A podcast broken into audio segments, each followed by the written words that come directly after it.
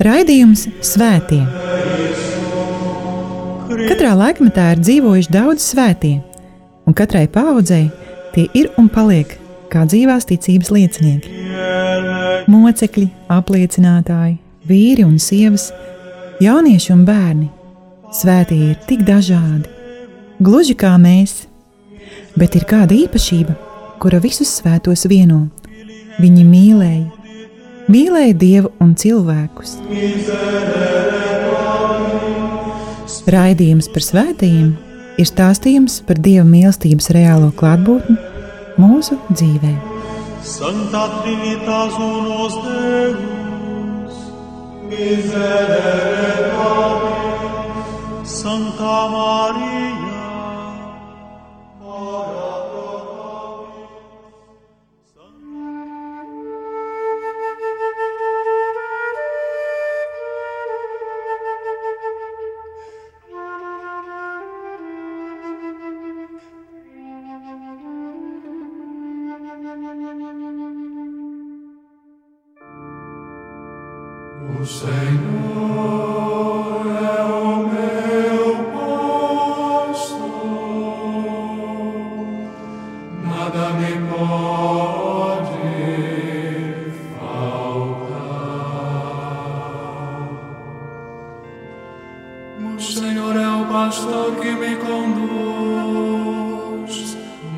falta coisa alguma pelos prados e campinas verdejantes, Ele me leva a descansar. Para as águas repousantes me encaminha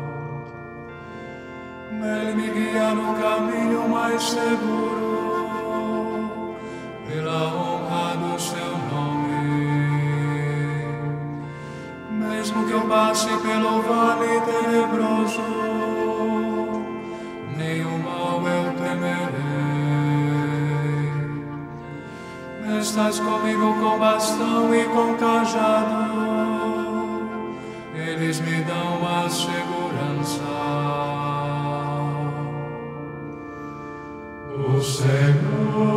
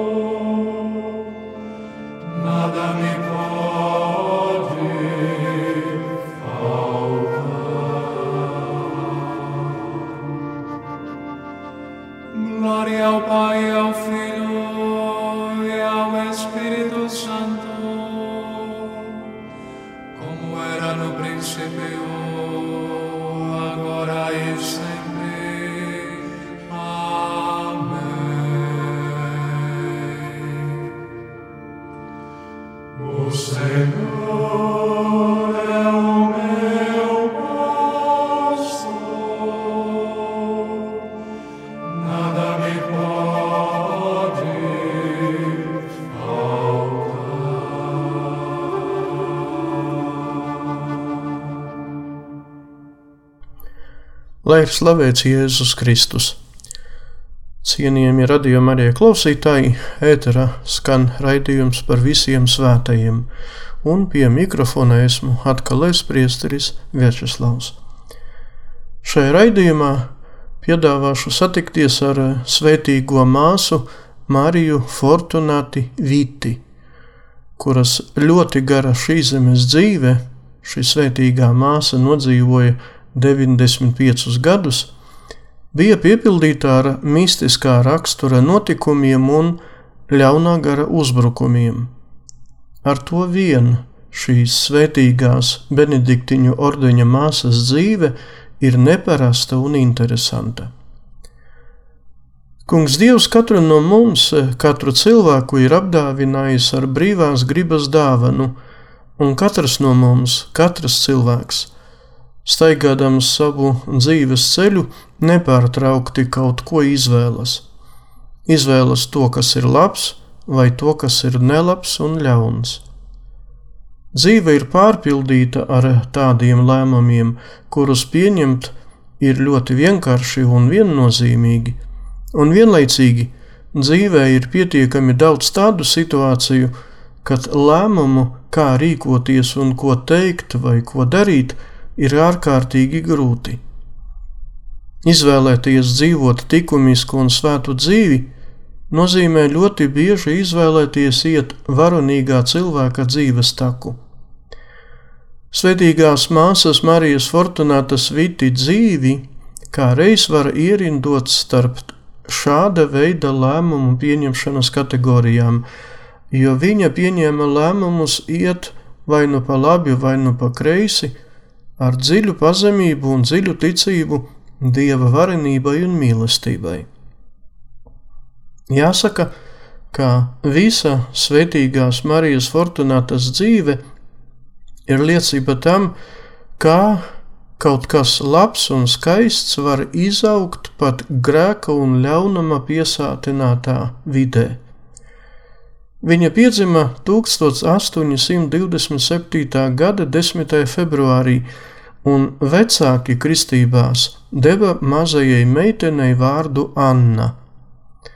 Mazā bija trešais bērns Luigi un Annas ģimene, kuru vismaz ārēji varēja uzskatīt par labu un kārtīgu, tomēr Luigi Viti bija alkoholiķis un azartspēļu vergs. Māte nomira 36 gadu vecumā, un Luīģi pēc viņas nāves tā arī nespēja atbrīvoties no savām atkarībām. Visas ģimenes īpašumus un līdzekļus viņš pazaudēja, to nodzērot vai nospēlējot azartspēļu laikā. Kad māte nomira, Annai bija 14 gadu un tieši uz viņas pleciem uzgulās visas rūpes par jaunākajiem brāļiem un māsām. Vēl smagāk rūpēties par nabadzībā grimstošo ģimeni kļuva pēc tam, kad uz klosteri aizgāja Annas vecākā māsa. Tas, kā dzīvoja un kā rīkojās ģimenes tēvs, kļuva par iemeslu Annas nopietnam lēmumam - būt laipnai un mīlestības pilnai pret šo cilvēku, kura ļaunprātīgā dzīvesveida dēļ nomira māte un ģimene praktiski tika izputināta. Kad viena no Annas jaunākām māsām paziņoja, ka neierēt savu tēti, viņa mierīgi, bez strīdēšanas un bļaustīšanas, pamācīja gan viņu, gan visus pārējos Viens no dieva baušļiem nosaka godāt savu tēvu un māti. Ja bērns tos nonievā un izrāda pret tiem necieņu, tas apvaino dievu un atsakās no žēlastībām, kuras nes sevī šīs dieva bauslis. Anna zināja, ka šis bauslis attiecās arī uz viņu tēvu, kaut arī viņš bija vājas gribas cilvēks un visticamāk ir ļoti liels grēcinieks. Jāpiezīmē, ka viņu ģimenes tēvs 34 gadus bija par visu bērnu smagu nastu, tomēr Anna nekad nenievāja viņu. Sava tēva nāves dienā, savā lūkšanu dienas grāmatā Anna ierakstīja: Šodien, 1875. gada 22. martā, nomira mūsu mīļais tētis Luīģi. Servia Deus, con respeto, acclamaio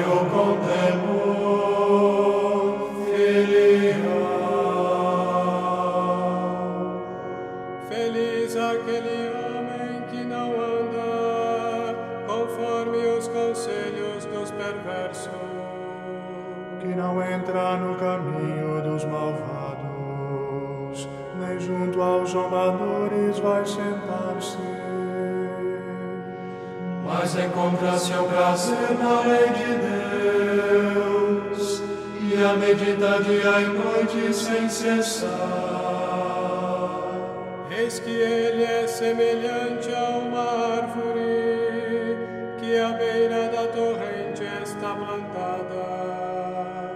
Sempre dá seus frutos a seu tempo, e jamais as suas folhas vão murchar.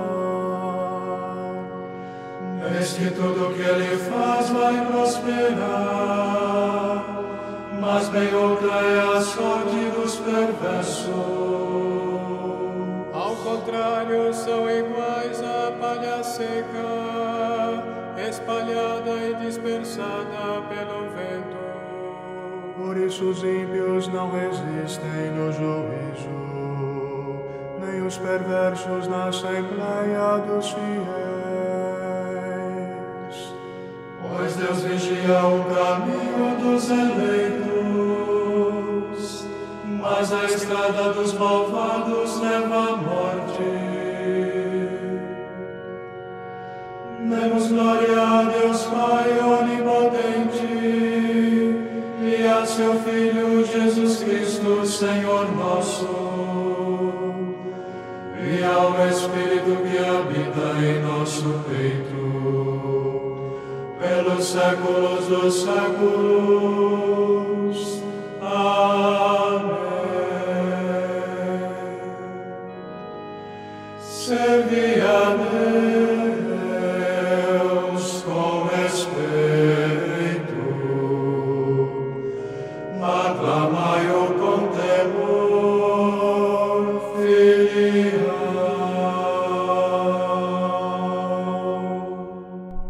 Māsa Marija Fortunāta bija apveltīta ar īpašu žēlastību, kura ļāva viņai klusi, pieticīgi un arī aizrautīgi dzīvot klosterī. Viņas pienākumi un darbi klosterī kalpoja visu pārējo klosteru māsu dzīvei. Viņa laboja māsu apģērbu un altarsegas, strādāja klostera nelielajā slimnīcā un vērpa. 72 gadus māsa Marija Fortunāta veltīja tādiem darbiem klosterī, kuri, ja tiem nav lūkšanas dzīves, uz, tiktu uzskatīti par mokām un tukšību. Dzīvodama klosterī, māsa Marija Fortunāta nemeklēja un apzināti izvairījās no kontaktēšanas ar ārpasauli, tomēr ārpasaule pati meklēja un nāca pie viņas. Ja klosterī tika meklēts kāds atnākušais viesis vai kāda postulante, un ilgi tos nevarēja atrast, tad visiem bija skaidrs, ka šis viesis vai postulante atrodas pie māsas Marijas Fortunātas, sarunājoties ar viņu un ieklausoties viņas dotajos padomos. Svetīgā māsa centās vienmēr atrasties otrajā plānā, pārējo māsu ēnā. Tomēr tieši ar viņu meklēja iespēju parunāties un viņā ieklausīties. Māsai tika dota no dieva žēlastība ielūkoties cilvēku sirdīs un dvēselēs, un spēja sasniegt vajadzīgus un atbilstošus padomus. Reiz pie māsas Marijas Fortunātas pienāca kāda klostermāsa ar lūgumu atrast viņai atbilstošu un vajadzīgu vārdu vai padomu, uz ko māsa Marija Fortunāta atbildēja, ka ne viņa atrod un pasaka kādu vārdu vai dod kādu padomu, bet to dara pats Dievs. Negāja runa par to, ka māsa Fortunāta dzird kādu balsi no debesīm. Nē, Svētīgā māsa vēlējās caur to pateikt, ka Dievs ļauj viņai izteikt mīlestības un uzmundrinājuma pilnus vārdus. Dievs un nevis pati viņa. Sekodama svētā Benedikta, Benediktiņu ordeņa dibinātāja ieteikumiem, māsa Marija Fortunāta nemeklēja kaut kādus īpašus gandares darbus vai apņemšanās pat vairāk. Viņa neieteica meklēt šādas prakses. Viņa gandarīja pildot vienkāršus, šķiet nenozīmīgus pienākumus un darbus, kuru nepasliktināja, kuri nepasliktināja veselību, bet dieva priekšā bija ļoti vērtīgas. Svētīgā māsa neatzina ilgstošu gavēšanu vai garas lūkšanas stāvot ceļos uz augstās grīdas.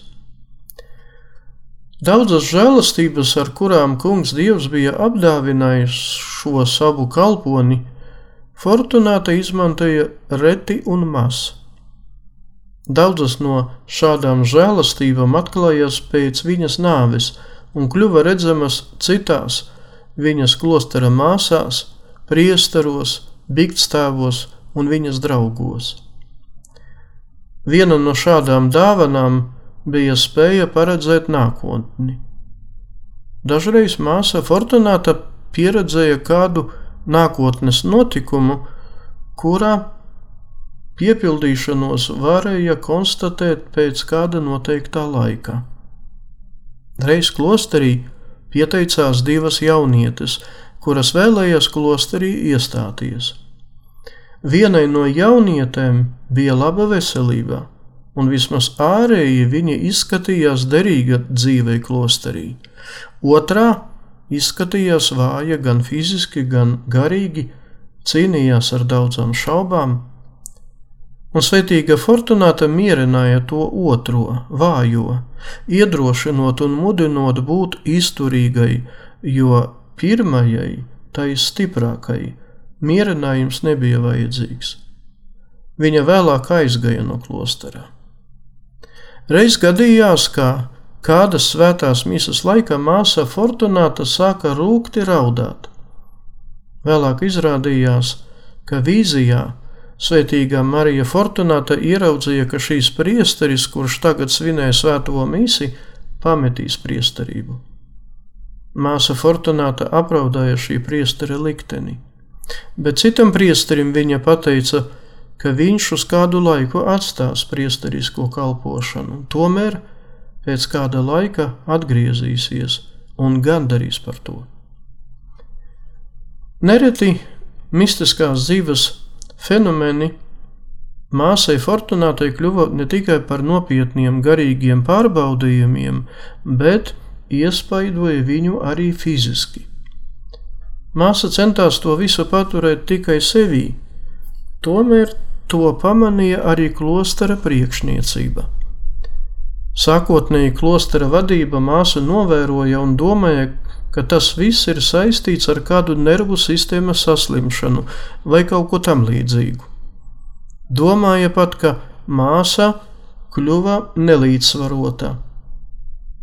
Tikmēr pati māsa pret to visu izturējās mierīgi, veltījot sev lūkšan, sevi lūkšanai un vienkāršajai svētā krusta zīmei. 88 gadu vecumā māsas garīgais tēvs lika viņai rakstīt dienas grāmatu. Sētīgā Marija Fortunāta pieņēma šo pavēli pazemīgi, jo vairāk tāpēc, ka ļoti slikti pārzināja gramatiku, un vienīgi, ko viņa lūdza, lai viņš pats redigē to, ko viņa mēģināja uzrakstīt. Svetīgā māsa Fortunāta nereti piedzīvoja mistiskā rakstura ļaunā gara uzbrukumus. Viņa ne tikai dzirdēja šausmīgās balsis vai skaņas, bet arī dzirdēja, kā ļaunais gars viņu dažādi apsaukā, nosaucot viņu gan par muļķi, gan par ēzeli. Reiz māsa Fortunāta izstāstīja kādai citai klostera māsai, Šausmīgā izskata briesmonis mani moka dienu un nakti. Nemitīgi mani apsaukā un nievā kārdina, lai izvestu mani no pacietības. Tomēr es pretojos tam, iesaugdama vissvētāko trīsvienību. Pavadījusi turpat 72 gadus klosterī, māsa Fortunāta iemantoja daudzu slimību nastu kas neļāva viņai pilnvērtīgi turpināt savu kalpošanu. Trīs dienas pirms savas mierīgās, klusās aiziešanas dienas no šīs pasaules, māsa Fortunāta, kaut arī viņai jau piepildījās 95 gadi, prasīja klostera priekšniecībai ļaut turpināt darīt līdzinējos darbus klosterī. 1922. gada 20. oktobrī māsa piedzima debesīm. Viņas bērres notika klusi, bez liekas ažiotāžas, vietējos kapos. Pavisam nedaudzi, varbūt pat neviens, nesaprata toreiz, kad dzīvoja un kontaktējās ar patiešām svētī, svēto cilvēku. 1967. gada 8. oktobrī notika svinīga māsas Marijas Fortunātas iecelšana svētīgo kārtā. To izdarīja svētais pāvests Pāvils VI. Liels paldies par uzmanību, lai ir slavēts Jēzus Kristus!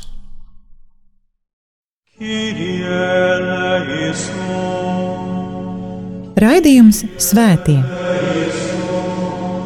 Katrā laikmetā ir dzīvojuši daudz svētie, un katrai paudzei tie ir un paliek kā dzīvās ticības liecinieki. Mocekļi, apliecinātāji, vīri un sievas, jaunieši un bērni. Svētie ir tik dažādi, gluži kā mēs, bet ir kāda īpašība, kura visus svētos vieno. Viņi mīlēja, mīlēja Dievu un cilvēkus. Raidījums par svētījumiem ir stāstījums par Dieva mīlestības reālo klātbūtni mūsu dzīvē. Santa Trinitas unos Deus, miserere Santa Maria.